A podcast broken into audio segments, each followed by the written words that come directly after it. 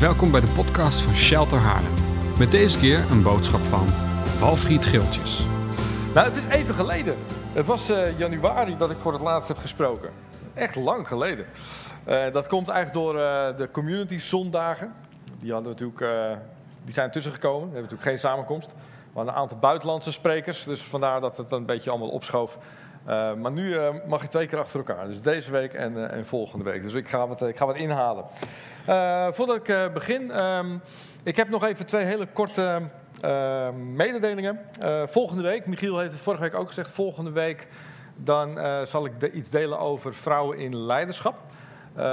Dat heeft hij vorige week ook al aangekondigd. Eh, misschien dat je denkt, hey, waarom wordt er tegenwoordig aangekondigd waar iemand over gaat, gaat spreken? Want dat doen we eigenlijk nooit. Nou, dat komt omdat het een belangrijk, niet dat andere thema's niet belangrijk zijn, maar het is een belangrijk onderwerp. En ook wel omdat we volgende week, omdat ik ook wel iets zal vertellen wat, eh, wat wel anders is dan wat we eigenlijk eh, tot nu toe eh, ja, andere standpunten of overtuigingen, zeg maar, als het gaat over vrouwen in leiderschap. Dus vandaar dat het ook wel echt een belangrijk thema is. En het is voor ons zelf niet nieuw, voor het oudste team, het Shelter Leidersteam. Maar we hebben wel gewacht totdat de lockdown voorbij was. Omdat we zeiden, hey, het is belangrijk dat mensen die erbij willen zijn, dat ze er ook bij kunnen zijn. Niet dat ze via een beeldschermpje eh, mee moeten kijken. Dus vandaar, er is voldoende plek om, eh, om erbij eh, bij te zijn. Goed, eh, dat is volgende week.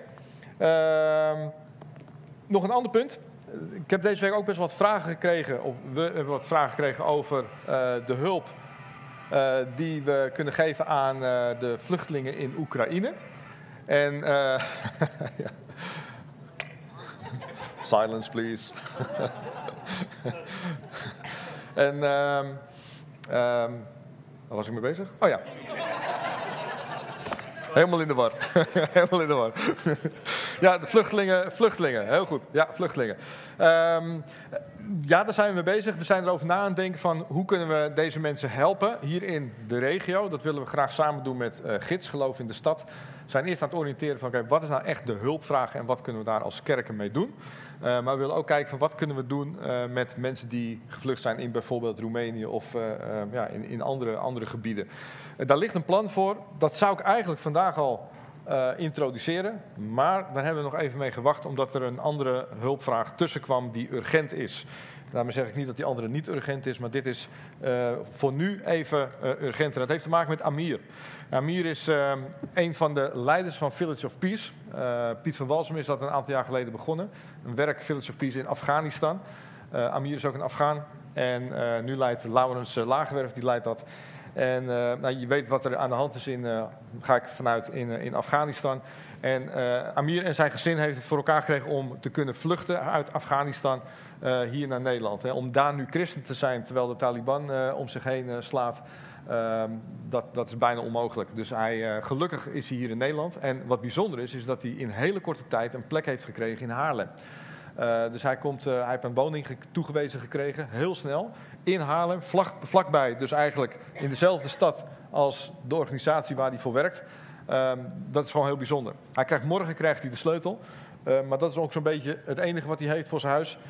Want het huis is leeg en hij heeft eigenlijk niks. Dus uh, hij komt als het goed is op een betonnen vloer. Uh, nou, hoe tof zou het zijn als we als gemeente zeggen: hey, weet je, we bidden niet alleen van Village of Peace, maar dat we als gemeente zeggen: laten we uh, Amir en zijn gezin zorgen dat hij gewoon een, een, een welkom ontvangst heeft in Haarlem. Uh, ze hebben spullen nodig, ze hebben tijd en aandacht nodig om dingen te kunnen doen. Nou, ik kan me voorstellen dat je zegt: ja, hoe dan? Nou, dat, hou de gemeentemail in de gaten van aankomende woensdag. Daar staat heel concreet in wat je zou kunnen bijdragen en wat je kunt doen voor Amir en, en zijn gezin. Uh, dus dat is wat we de komende twee weken willen gaan doen. En daarna pakken we het plan op uh, om, om iets te doen met de vluchtelingen van, uh, van Oekraïne. Omdat ze zeggen, hey, laten we nou even focussen. Eerst even dit en dan het, het andere. Dus hou de gemeentemail in de gaten. Het zou heel tof zijn als we als gemeente kunnen zeggen... Laten we Amir en zijn gezin helpen. Oké, goed. Uh, ik wil beginnen met een stuk te lezen uit Genesis. Genesis 2, vers 8 en 9. Je mag even met mij meelezen. Genesis 2, vers 8 en 9. Er staat God de Heer, die legde in het oosten, in Eden, een tuin aan en daarin plaatste hij de mens die hij had gemaakt. Hij liet uit de aarde allerlei bomen opschieten die er aanlokkelijk uitzagen, met heerlijke vruchten. En in het midden van de tuin stonden de levensboom en de boom van kennis van goed en kwaad. Ik skip even naar vers 15. God, de Heer, die bracht de mens dus in de tuin van Eden om die te bewerken en erover te waken. Hij hield hem ook het volgende voor: van alle bomen in de tuin mag je eten, maar niet van de boom van de kennis van goed en kwaad, want wanneer je daarvan eet, zul je onherroepelijk sterven. Ik blader nog wat verder door naar Genesis 3, vers 6.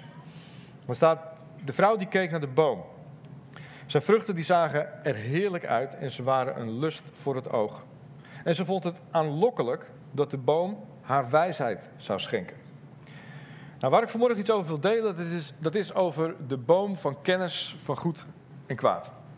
Dat is eigenlijk het thema uh, van vanmorgen. Of eigenlijk misschien meer het thema is bevrijd van de boom van kennis van goed en kwaad. Bevrijd van het verlangen om te eten van die boom die kennis geeft.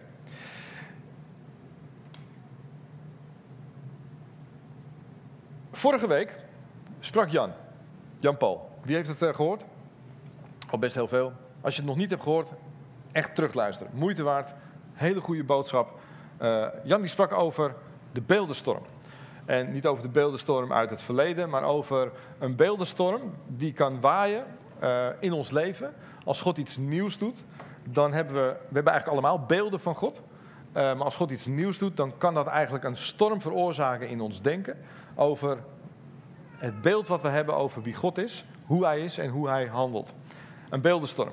En dat gebeurt vaak als, als God komt met kracht, als hij komt met een opwekking, als hij komt op een nieuwe, frisse manier.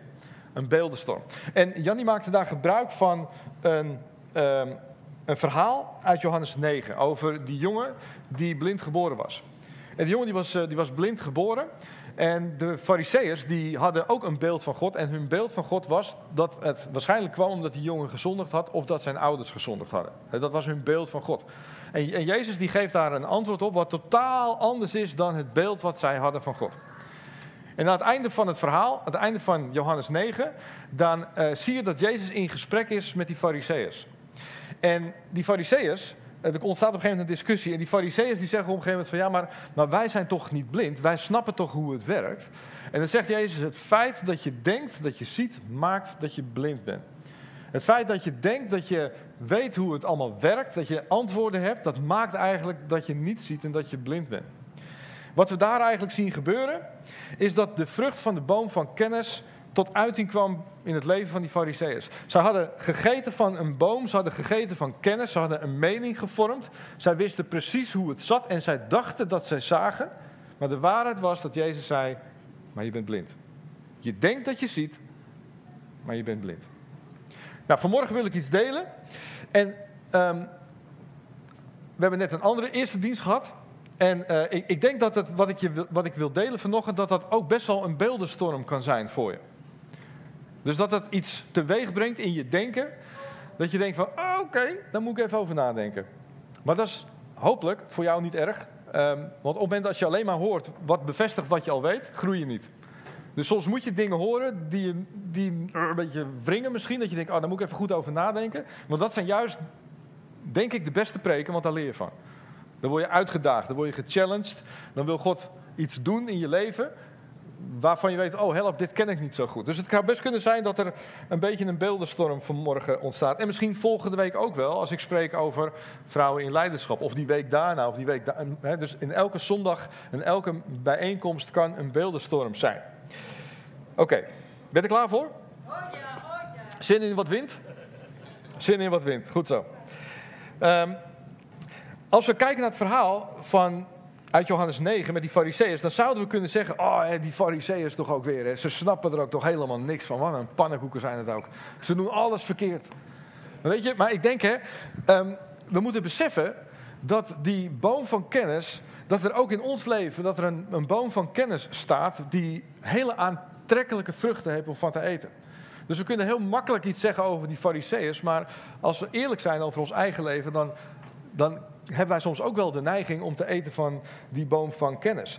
Vorige week eindigde Jan hè, met een oproep van oké, met een. eh, hij vroeg ook volgens mij of jullie, ik was er zelf niet, of jullie wilden gaan staan. Toen zei van, nou, weet je, laten we erkennen dat we, eh, dat, we, dat we niet alles kunnen snappen, dat we niet alles zien en dat we ook gewoon lerende zijn, zeg maar. En dat we akkoord gaan met het feit dat ik niet alles weet. En dat is eigenlijk een onwijs krachtig statement als je leeft in de samenleving zoals de onze. Want zo'n beetje alles wat georganiseerd wordt, alles wat gebouwd wordt, alles wat gemaakt wordt, is gebouwd op kennis.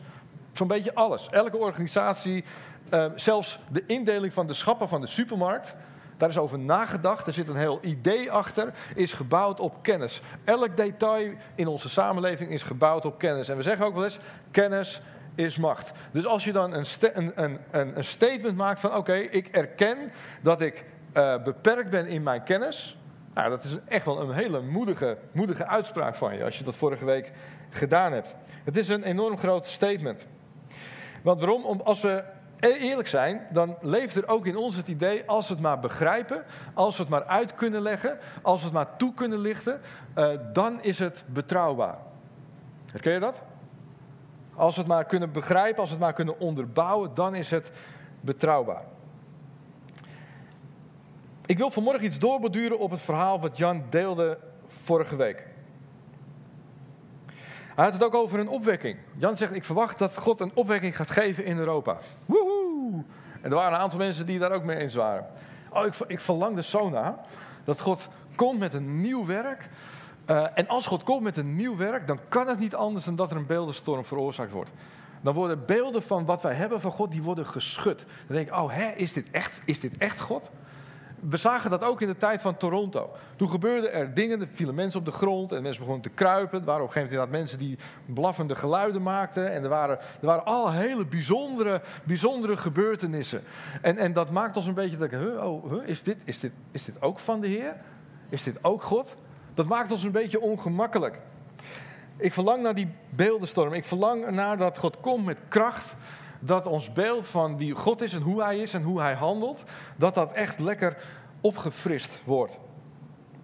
Nou, wat gebeurt er in een tijd van opwekking? Wat gebeurt er als God komt met zijn kracht en er gebeuren dingen of mensen zeggen dingen die we niet goed begrijpen, wat ingaat tegen ons beeld van God? Wat gebeurt er dan?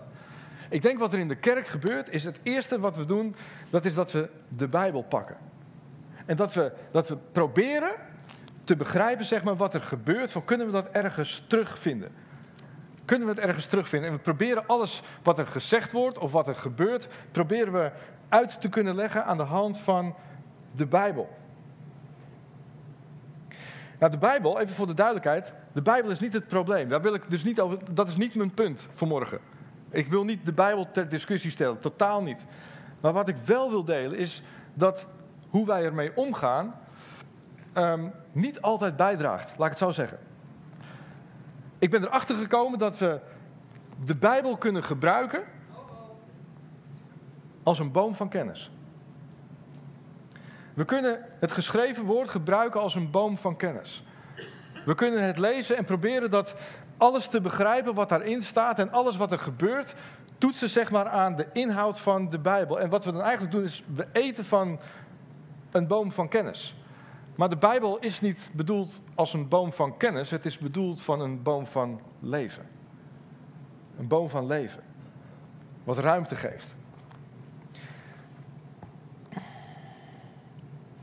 Wanneer we de Bijbel gebruiken als een boom van kennis en de vruchten eten, dan is de kans groot dat je eindigt met een overtuiging dat dat wat je ziet en hoort niet van de Heer is. Als we de Bijbel gebruiken als een boom van kennis, dan eindigen we precies hetzelfde als die leerlingen, die fariseeërs die bij Jezus zijn. Ja, maar ik zie. Want ik weet precies wat hierin staat. Ik weet precies hoe het ziet. Ik zie, ik heb duidelijk zicht op wat er gebeurt. En ik heb daar een mening over. En terwijl je daar zo stellig over kunt zijn, zegt Jezus misschien ook wel tegen jou: ja, je zegt wel dat je ziet, maar dat is nou net het probleem. Want je zegt wel dat je ziet, maar het feit is dat je blind bent. En je kunt blind zijn met de Bijbel in je hand.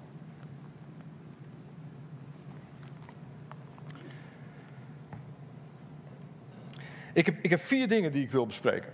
Want hoe kun je dan omgaan met het woord van God? Hoe kun je dan omgaan met het geschreven woord van God, zodat het leven geeft? Ik heb vier punten. Het zal vast niet volledig zijn, Net als elk andere preek of elk andere boek. Er is, het is nooit volledig, maar dit is gewoon een aantal indrukken die ik met je wil delen. Tot nu toe, vind je het nog leuk? Oké, oké, goed. Hè. Gelukkig. Woe. Ik heb één hele grote fan.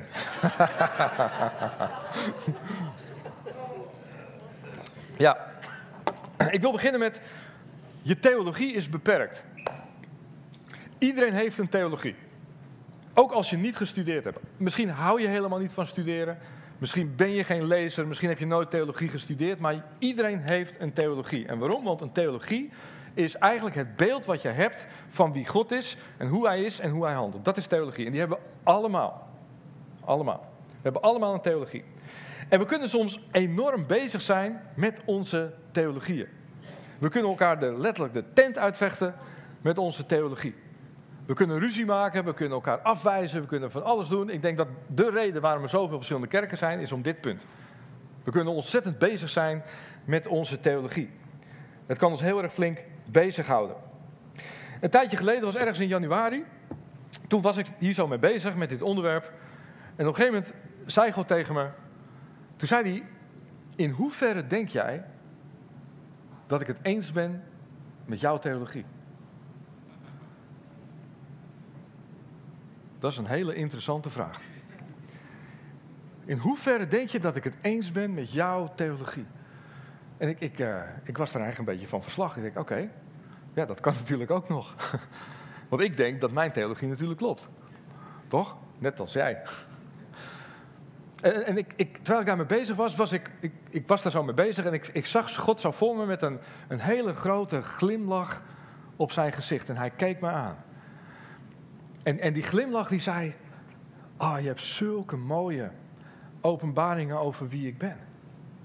Je hebt door de jaren heen heb je zoveel inzichten gedaan, heb je inzichten opgedaan, je hebt dingen geleerd over, over mijn hart, over mijn, mijn liefde, over mijn, mijn genade, over, mijn, over alles.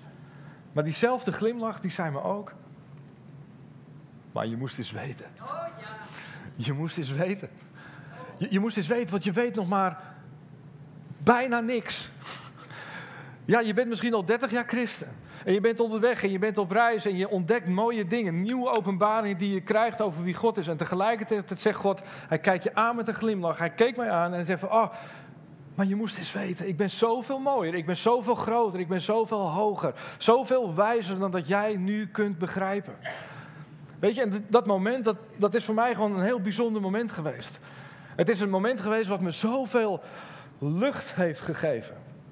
Ik, ik, kan echt zeggen, het is een proces geweest dat God me bevrijd heeft van het verlangen om te eten van de boom van kennis. Het merkte dat er een, een vrijheid in me, in me naar boven borrelde van, oh, wat, wat is het heerlijk om te weten dat ik niet alles hoef te weten. Wat is het heerlijk dat ik niet op alle vragen een antwoord hoef te hebben. Wat is het heerlijk om stukken in de Bijbel te lezen en denk van, hè, wat moet ik daar nou mee? Geen idee wat God daar nou mee bedoelt. Wat is het heerlijk als mensen me vragen stellen dat ik een, het briljante antwoord kan geven. Ik weet het niet. Ik weet het niet. Moet je niet bij elke vraag doen, heb ik ontdekt. maar wat is, het heer, wat, is het, wat is het een verademing? Wat geeft het een ruimte om jezelf te zien als een kind wat, wat lerend is, wat onderweg is, wat dingen aan het ontdekken is. En zegt van Heer, Oh, er is nog zoveel meer te ontdekken. Ja, ik heb mooie openbaringen ontdekt. Ja, ik heb inzichten, gekregen over wie God is. En tegelijkertijd ben ik onderweg en ben ik aan het leren, net als jij. En weet je waarom het ook zo bevrijdend was? Omdat ik diezelfde glimlach zag, niet alleen naar mij gericht, maar ook naar die anderen. Dat God andere mensen aankeek die zo stellig waren met hun overtuigingen, met bijbelstudies in hun hand. En diezelfde mensen die soms zo indrukwekkend over kunnen komen, zo stellig zijn over hun gelijk. En God die kijkt samen met een glimlach. Oh ja, je hebt mooie openbaringen gekregen. Maar je moest eens weten. Je moest eens weten. Er is niemand van ons die kan zeggen, ik snap God volledig. Wij hebben allemaal een theologie die onvolledig is. Allemaal. Allemaal. Het werkte zo bevrijdend. Jouw theologie is beperkt.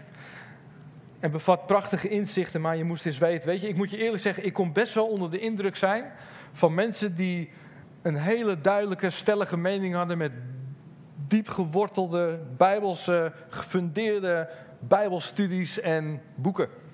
Maar weet je, zo grappig is, noem één onderwerp en ik kan je uh, met gemak uh, twee theologen aanwijzen die met dezelfde bijbelteksten tot een compleet andere conclusie komen.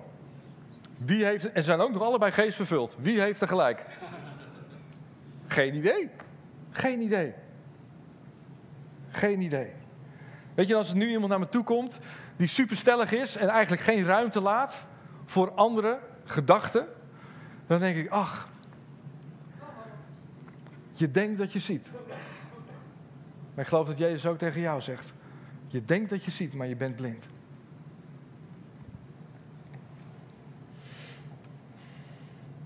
Het is een proces geweest van bevrijding. Bevrijding van het verlangen om te eten van de boom van kennis. En weet je wat ik merk bij mezelf?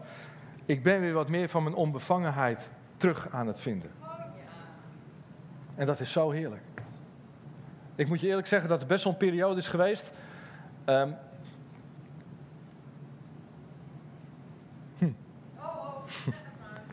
ja. Tot volgende week.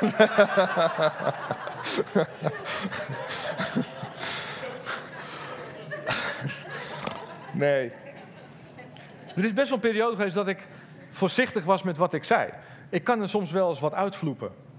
En dan zeg ik dingen en denk, oh, komt het wel goed over? Weet je, ik geloof, er is echt waar, er is, geen, ik, er is echt geen één voorganger in de wereld te vinden die bewust, um, of die zegt van, oh, het maakt mij niet uit als ik mensen misleid of zo. Snap je wat ik bedoel? Nee, tuurlijk niet. Je wil allemaal de waarheid brengen.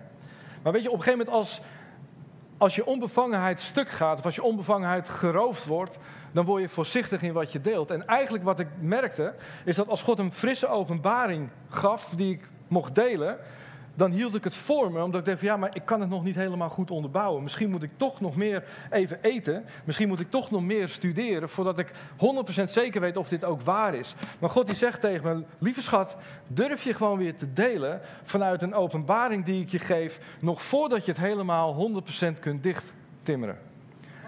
En daar heb je moed voor nodig. En dat geldt niet alleen voor mij, dat geldt voor ons allemaal.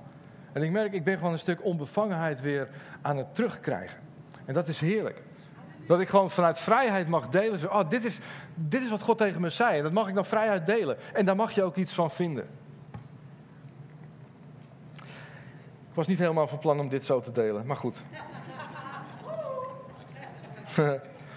Het eerste punt, dat was dus inderdaad, onze theologie is beperkt. Die voor mij ook. En die voor jou ook. Het tweede is, wat ik geloof is dat de Bijbel is wel compleet, maar hij is niet gesloten. De Bijbel is compleet, maar niet gesloten. En wat betekent dat? De Bijbel is compleet, maar het is niet gesloten. Er hoeft geen letter meer aan worden toegevoegd, want de Bijbel is compleet. Er staat hier voldoende in om te snappen wat het grote plan is van God met de mens. Om te ontdekken wie Jezus is, wat zijn werk inhoudt. Er staat hier voldoende in om te snappen wat, het, wat onze bestemming is, wat onze roeping is. Er staat voldoende in om te begrijpen waar we naartoe gaan in de toekomst. Al is dat soms nog wat ingewikkeld om eruit te halen. Maar, maar er hoeft niks meer aan worden toegevoegd. Hij is helemaal compleet. Maar hij is niet gesloten. En wat bedoel ik daarmee? Als we de Bijbel lezen zonder de Heilige Geest, dan is het een gesloten boek. Dan is het net als elk ander boek. Dan is het gewoon een boek wat je kunt, kan inspireren. Maar de Bijbel is een, een boek wat niet gesloten is. Ik moet denken aan een uitspraak van Duval en Hayes, dat zijn twee schrijvers die hebben een boek geschreven, Grasping God's Word. En zij schrijven, de Bijbel is geschreven door twee personen, een mens en de Heilige Geest. En de Bijbel die kan alleen maar geïnterpreteerd worden door twee personen, namelijk een persoon en de Heilige Geest. Dat is mooi, hè? Ja. Die mens is misschien veranderd, maar de Heilige Geest niet. De betekenis die de Heilige Geest die 2000 jaar in heeft gelegd, die kan er alleen maar uitkomen als je de Bijbel leest met de Heilige Geest.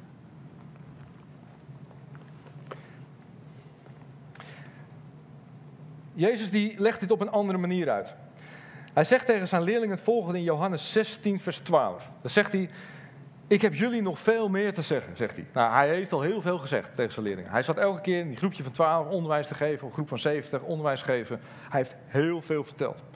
Vooral over het koninkrijk van God. En dan zegt hij: Jongens, ik heb jullie nog veel meer te zeggen. Maar, zegt hij, maar jullie kunnen het nog niet verdragen. Het is dus nog niet de tijd ervoor. Ik wil wel, er zit van alles in mij, maar ik kan het je nog niet vertellen. Maar, zegt hij, de geest van de waarheid, die zal jullie, wanneer hij komt, de weg wijzen naar de volle waarheid. Er zitten dus gedachten in het hart van Jezus, er zitten ideeën in het hart van Jezus, thema's in het hart van Jezus die hij nog nooit heeft kunnen delen met zijn leerlingen, maar die wel in zijn hart zijn en die kunnen we alleen maar ontvangen door de Heilige Geest, de geest van waarheid die jou naar de volle waarheid leidt. En dat betekent dus dat er thema's zijn, dat er onderwerpen zijn die we niet terug kunnen vinden tussen deze twee kaften, maar die wel degelijk bij Jezus vandaan komen. De Heilige Geest die wil je dingen laten zien die niet terug, direct terug te vinden zijn. De Heilige Geest die wil dingen tegen je zeggen die nog nooit eerder zijn uitgesproken. Ik kwam een uitspraak tegen van Bill Johnson met een, een waarschuwing op dit uh, vlak. En ik vind hem heel mooi en ook, ook die kant is, moet er zijn. Hij zegt, als we de gesproken stem, dus de stem van de Heilige Geest, als we de gesproken stem van God boven de schrift waarderen, dan staan we open voor misleiding. Gods stem zal zijn geschreven woord nooit tegenspreken. Dat is super belangrijk om te weten. Hij zal zijn geschreven woord nooit tegenspreken. Maar we moeten beide hebben. Want terwijl we onszelf geven aan de studie van de schrift, is het zijn stem die het tot leven laat komen. We hebben de Heilige Geest nodig voor die nieuwe, frisse openbaringen die in lijn liggen met dit woord. Maar dat betekent niet dat wat hij spreekt of wat hij doet, dat het letterlijk zo terug te vinden is in de Bijbel. Want er zijn gedachten in het hart van Jezus die hij nog nooit heeft uitgesproken. Tot dit moment. Tot 2022.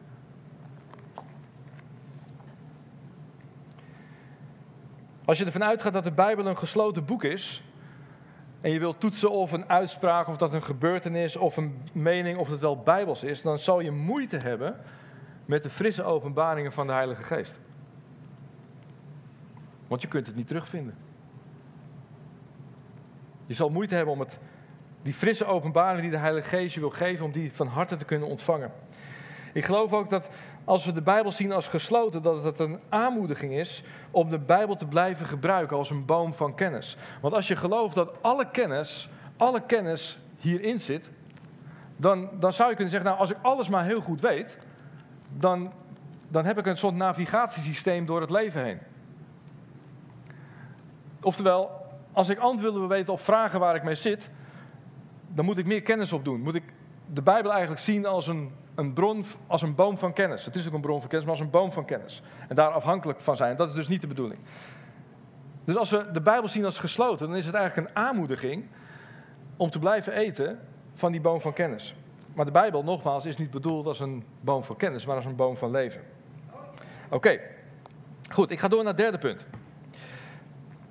Vraag je. Wat is het woord van God?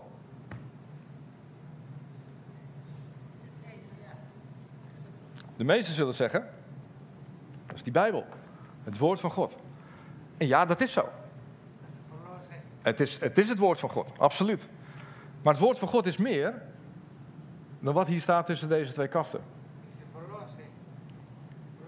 Het woord is meer dan wat hier staat. Je krijgt straks antwoord, Lex. ik geloof wat het woord van God is, of laat ik het zo zeggen, ik, ik denk dat een, een, een, frisse openbaring die de Heilige Geest wil geven, is dat het woord van God op de eerste plaats niet een, een boek is, maar een persoon. Johannes 1, zoek hem maar even op, Johannes 1. Super belangrijk. Johannes 1. Johannes begint zijn evangelie met een ongelooflijk krachtig statement. Dit is wat hij zegt. In het begin was het woord. En het woord was bij God. En het woord was God. Het was in het begin bij God en alles is er door ontstaan. En zonder dit is niets ontstaan van wat bestaat. En in het woord was leven en het leven was het licht voor de mensen. En het licht schijnt in de duisternis. En de duisternis heeft het niet in haar macht gekregen. Waar spreekt Johannes over? Hij spreekt over Jezus.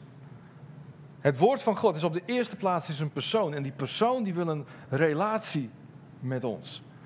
En hij zegt, in, die relatie die, in die relatie wil hij dingen delen die in zijn hart liggen. Dus de Heilige Geest die wil, God die wil met zijn geest tot onze geest spreken, woorden van leven, woorden van leven, woorden van wie hij is, woorden die nog nooit eerder gesproken zijn. En waarom? Omdat het woord op de eerste plaats een persoon is en we zijn geroepen om te leven in relatie met die persoon, met het woord. Jezus is het woord. Ik kwam een uitspraak tegen van Derek Prince.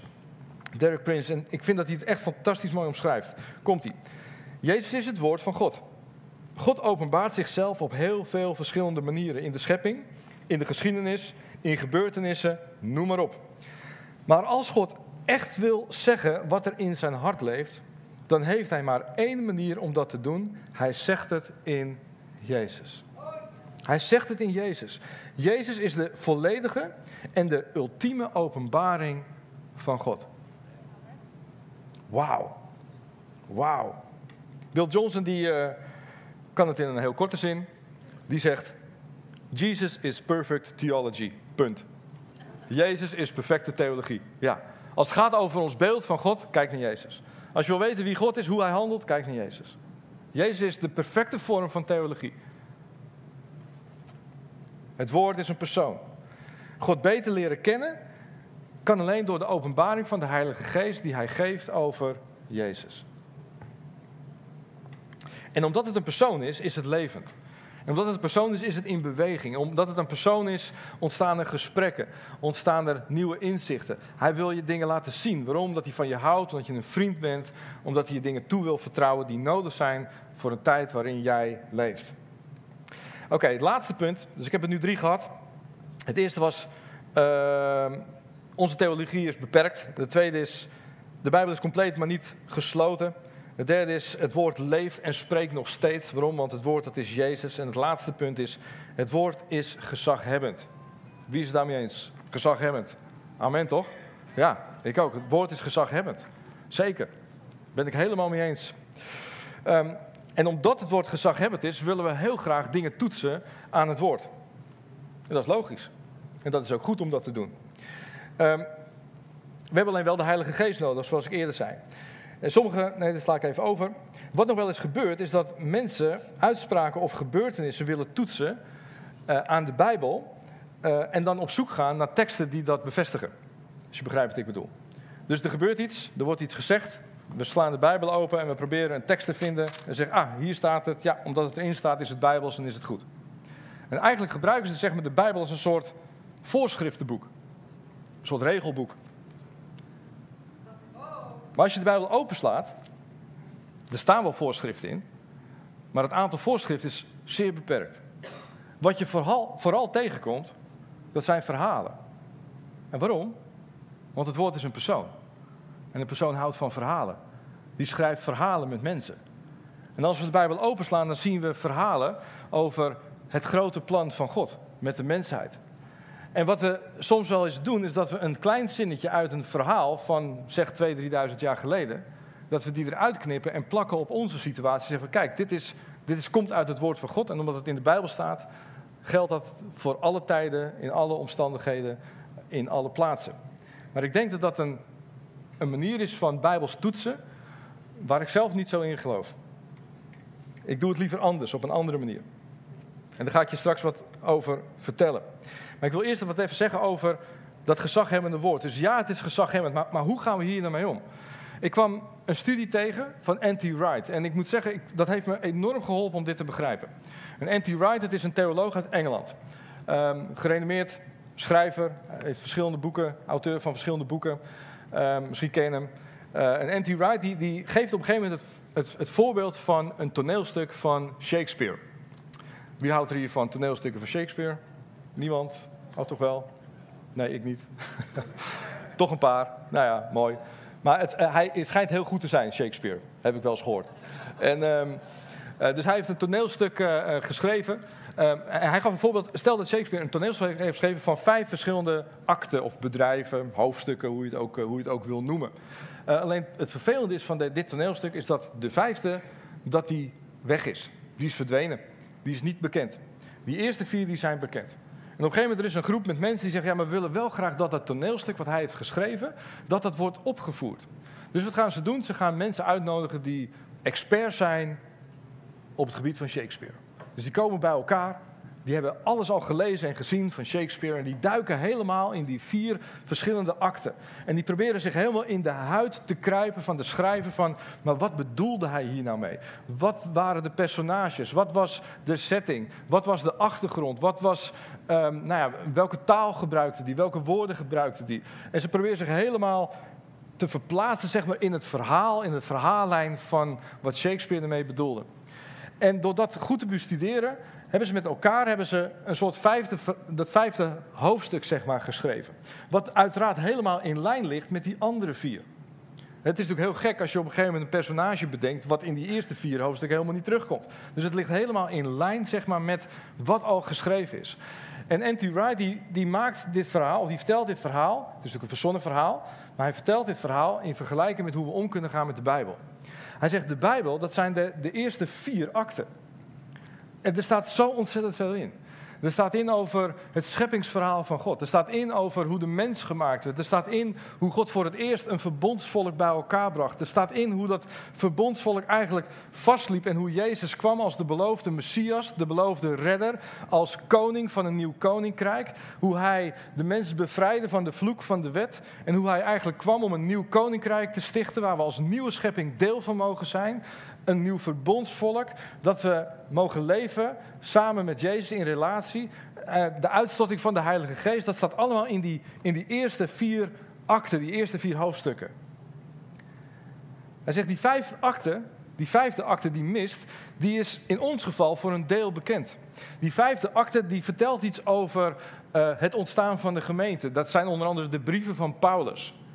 En we weten ook hoe het eindigt. we weten hoe de kerk is begonnen, maar we weten ook hoe het eindigt. We weten dat we eindigen met een bruiloftsfeest. Nou, een bruiloftsfeest is altijd goed. Super gezellig. Ik heb begrepen dat Jezus een expert is in het eh, maken van wijn, dus dat, volgens mij komt het wel goed. En, uh, dus daar gaan we naartoe. Hoe dat er precies uitziet, dat weet niet. Maar er zit dus een, een, een, een wit gebied tussen waar we geëindigd zijn, zeg maar, de, start, de eerste start van de kerk en waar we naartoe gaan. En Anti Wright zegt van, het is alsof we in relatie met het woord leven op die blanco pagina van de geschiedenis van de mensheid en dat we met hem dat verhaal mogen gaan schrijven. Wauw. Wat een uitleg. Wat een, wat een verhaal. Wat een wat mind-blowing. Want het betekent dat we, in plaats van dat we dit zien als een gesloten boek, dat er dus dat, dat, dat handelingen niet stopt bij het laatste hoofdstuk, maar dat we met God verhalen aan het schrijven zijn. Het geeft zoveel ruimte om om te gaan met de dingen die we zien, dingen die we horen, die we niet begrijpen. Maar God nodigt ons uit en daagt ons uit om samen met Hem het verhaal af te maken. En Hij zorgt er wel voor dat we uitkomen bij dat bruiloftsfeest.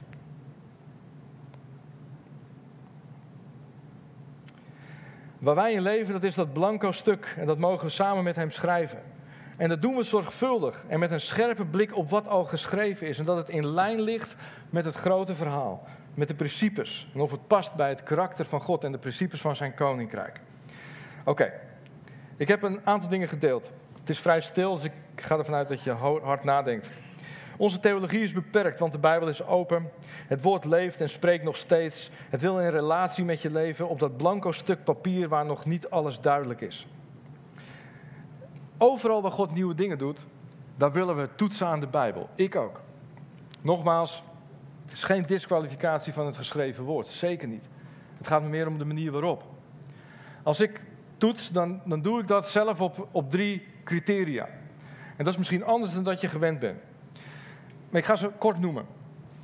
Het eerste punt wat ik wil noemen, dat is, staat in Matthäus 7, vers 15 en 16. En het gaat over toetsen aan de vrucht. Wat is de vrucht? Lijkt me een hele wezenlijke toets. Er gebeurt iets wat ik niet kan plaatsen, wat ik nog nooit eerder heb gezien, wat ik ook niet terug kan vinden in de Bijbel. Hoe zit het dan precies? Hoe kan dat nou? Hè? Ik hoor dat mensen blaffen. Nou, dat vind ik helemaal niet terug. Nou, dan zal het wel niet van de Heer zijn. Maar wat is de vrucht? Wat is de vrucht? En weet je wat het mooie van vrucht is? Ehm, is dat het tijd kost. Heb je wel eens een appelboom geplaatst? En bedoel ik niet zo eentje, maar, maar zo eentje. Die koop je bij de tuin. Boer, hoe heet zo'n man?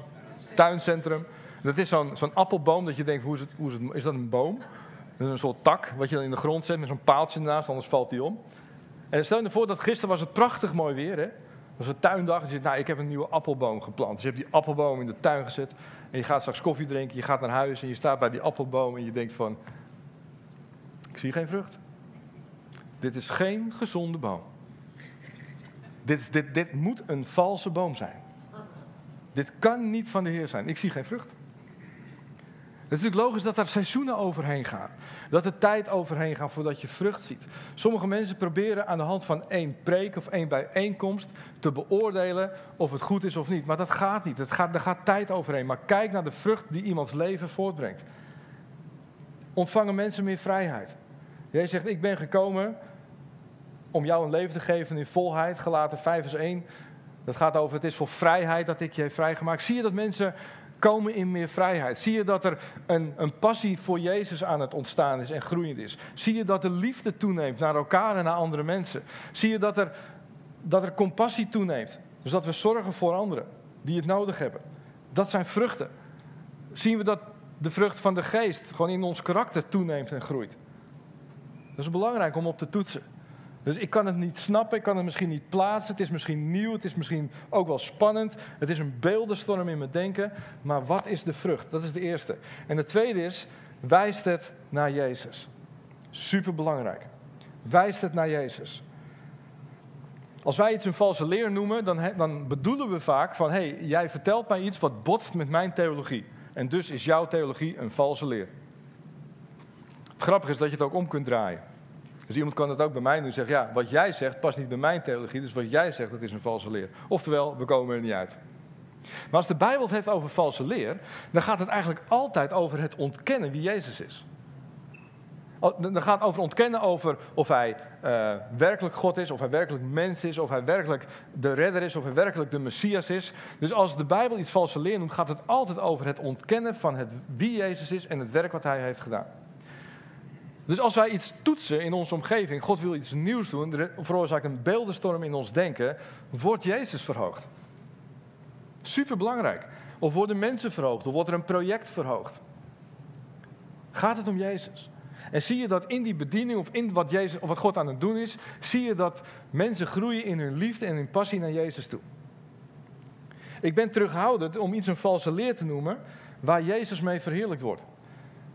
Kan, dat gebeurt mij ook. Ik lees soms wel eens dingen en denk: oké, dit snap ik niet. Dit vind ik ingewikkeld. Uh, ik denk ook niet dat ik het ermee eens ben.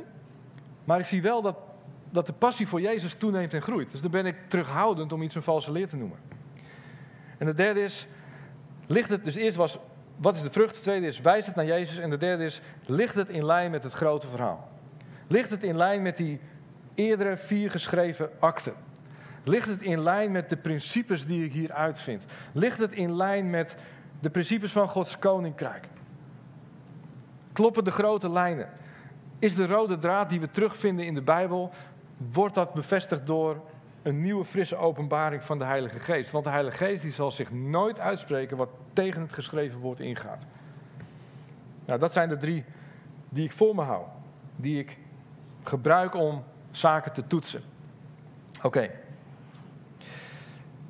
Een stabiel en degelijk christelijk leven, of een, laat ik het anders zeggen, een stabiel en degelijk christelijk geloof, dat bouw je niet met stellige overtuigingen en doctrine.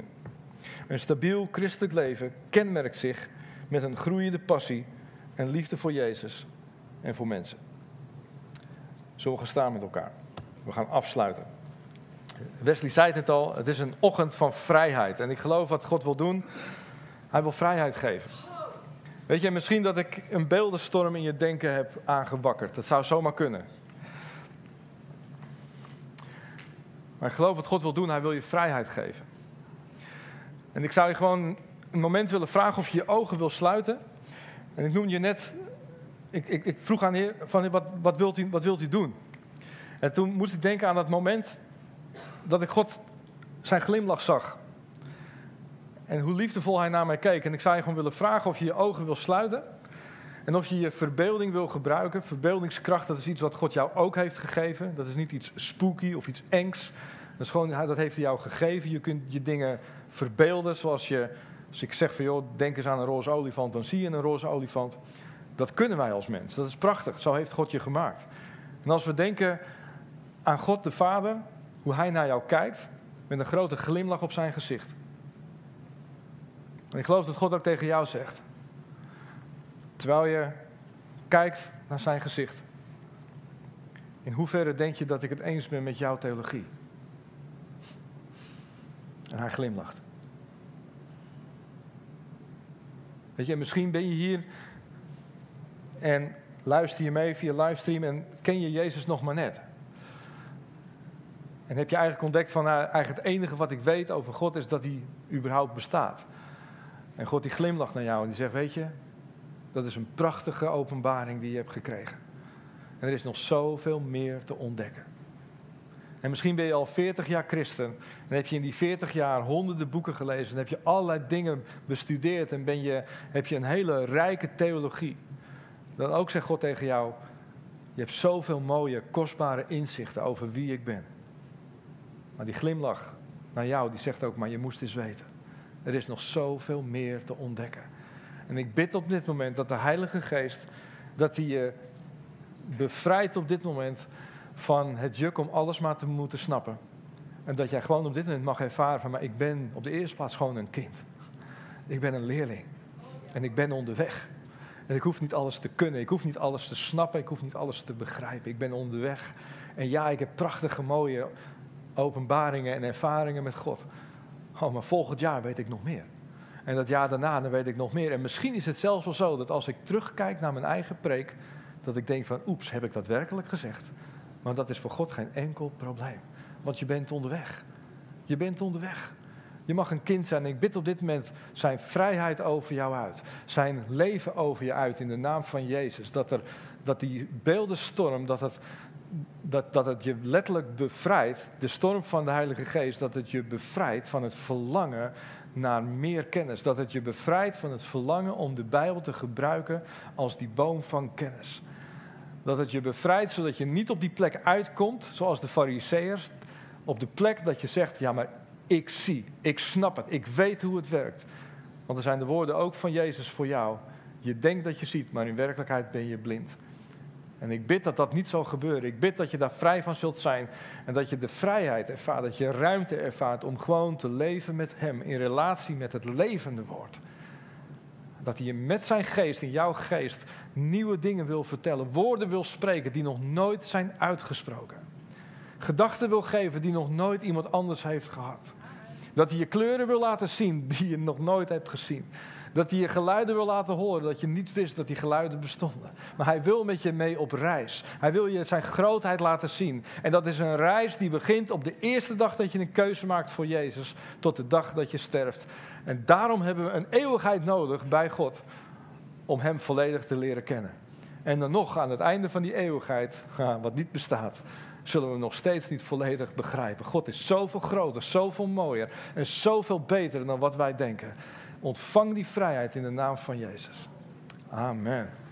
Amen. Dank u wel, Heer.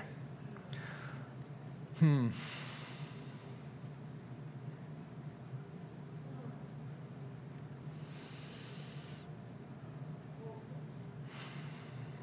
Dank u, Jezus. Oh, ik bid voor de kerk, Heer. Ik bid voor de kerk in Nederland. We zijn soms zo, zitten soms zo vast in onze eigen ideeën. Oh, maak de kerk klaar, Heer Vader, voor die opwekking die u wil geven. Dat we bereid zijn, Heer, dat onze theologie flexibel blijft. Heer, want u gaat komen met een beeldenstorm, vroeg of laat, maar u gaat komen met die beeldenstorm. Heer, en we kunnen alleen maar inderdaad het goed beoordelen als we bereid zijn om te erkennen dat we onderweg zijn en dat we het niet weten. Maar u gaat komen met die beeldenstroom. En ik verlang er zo naar dat u de kerk, Heer, dat u, dat u alle stof uit die kerk blaast. Weg met religie, weg met traditie die helemaal geen leven geeft. Heer, maar dat u komt met, met, met leven, met blijdschap, met vreugde. Heer, dat de kerk niet bekend zal zijn als een plek wat ernstig moet zijn en serieus, maar dat het een plek is van blijdschap en van vreugde, van leven en van vieren. Dat we het leven vieren wat we hebben ontvangen in Jezus. Vrijheid in Jezus' naam, daar verlangen we naar. Dank u wel, Heer. Amen. Amen. Dank voor het luisteren naar onze wekelijkse podcast. De missie van Shelter is Gods Koninkrijk zichtbaar maken in onze wereld. Wil je onze gemeente financieel ondersteunen in deze missie? Ga dan naar www.shelter-haarlem.nl geven.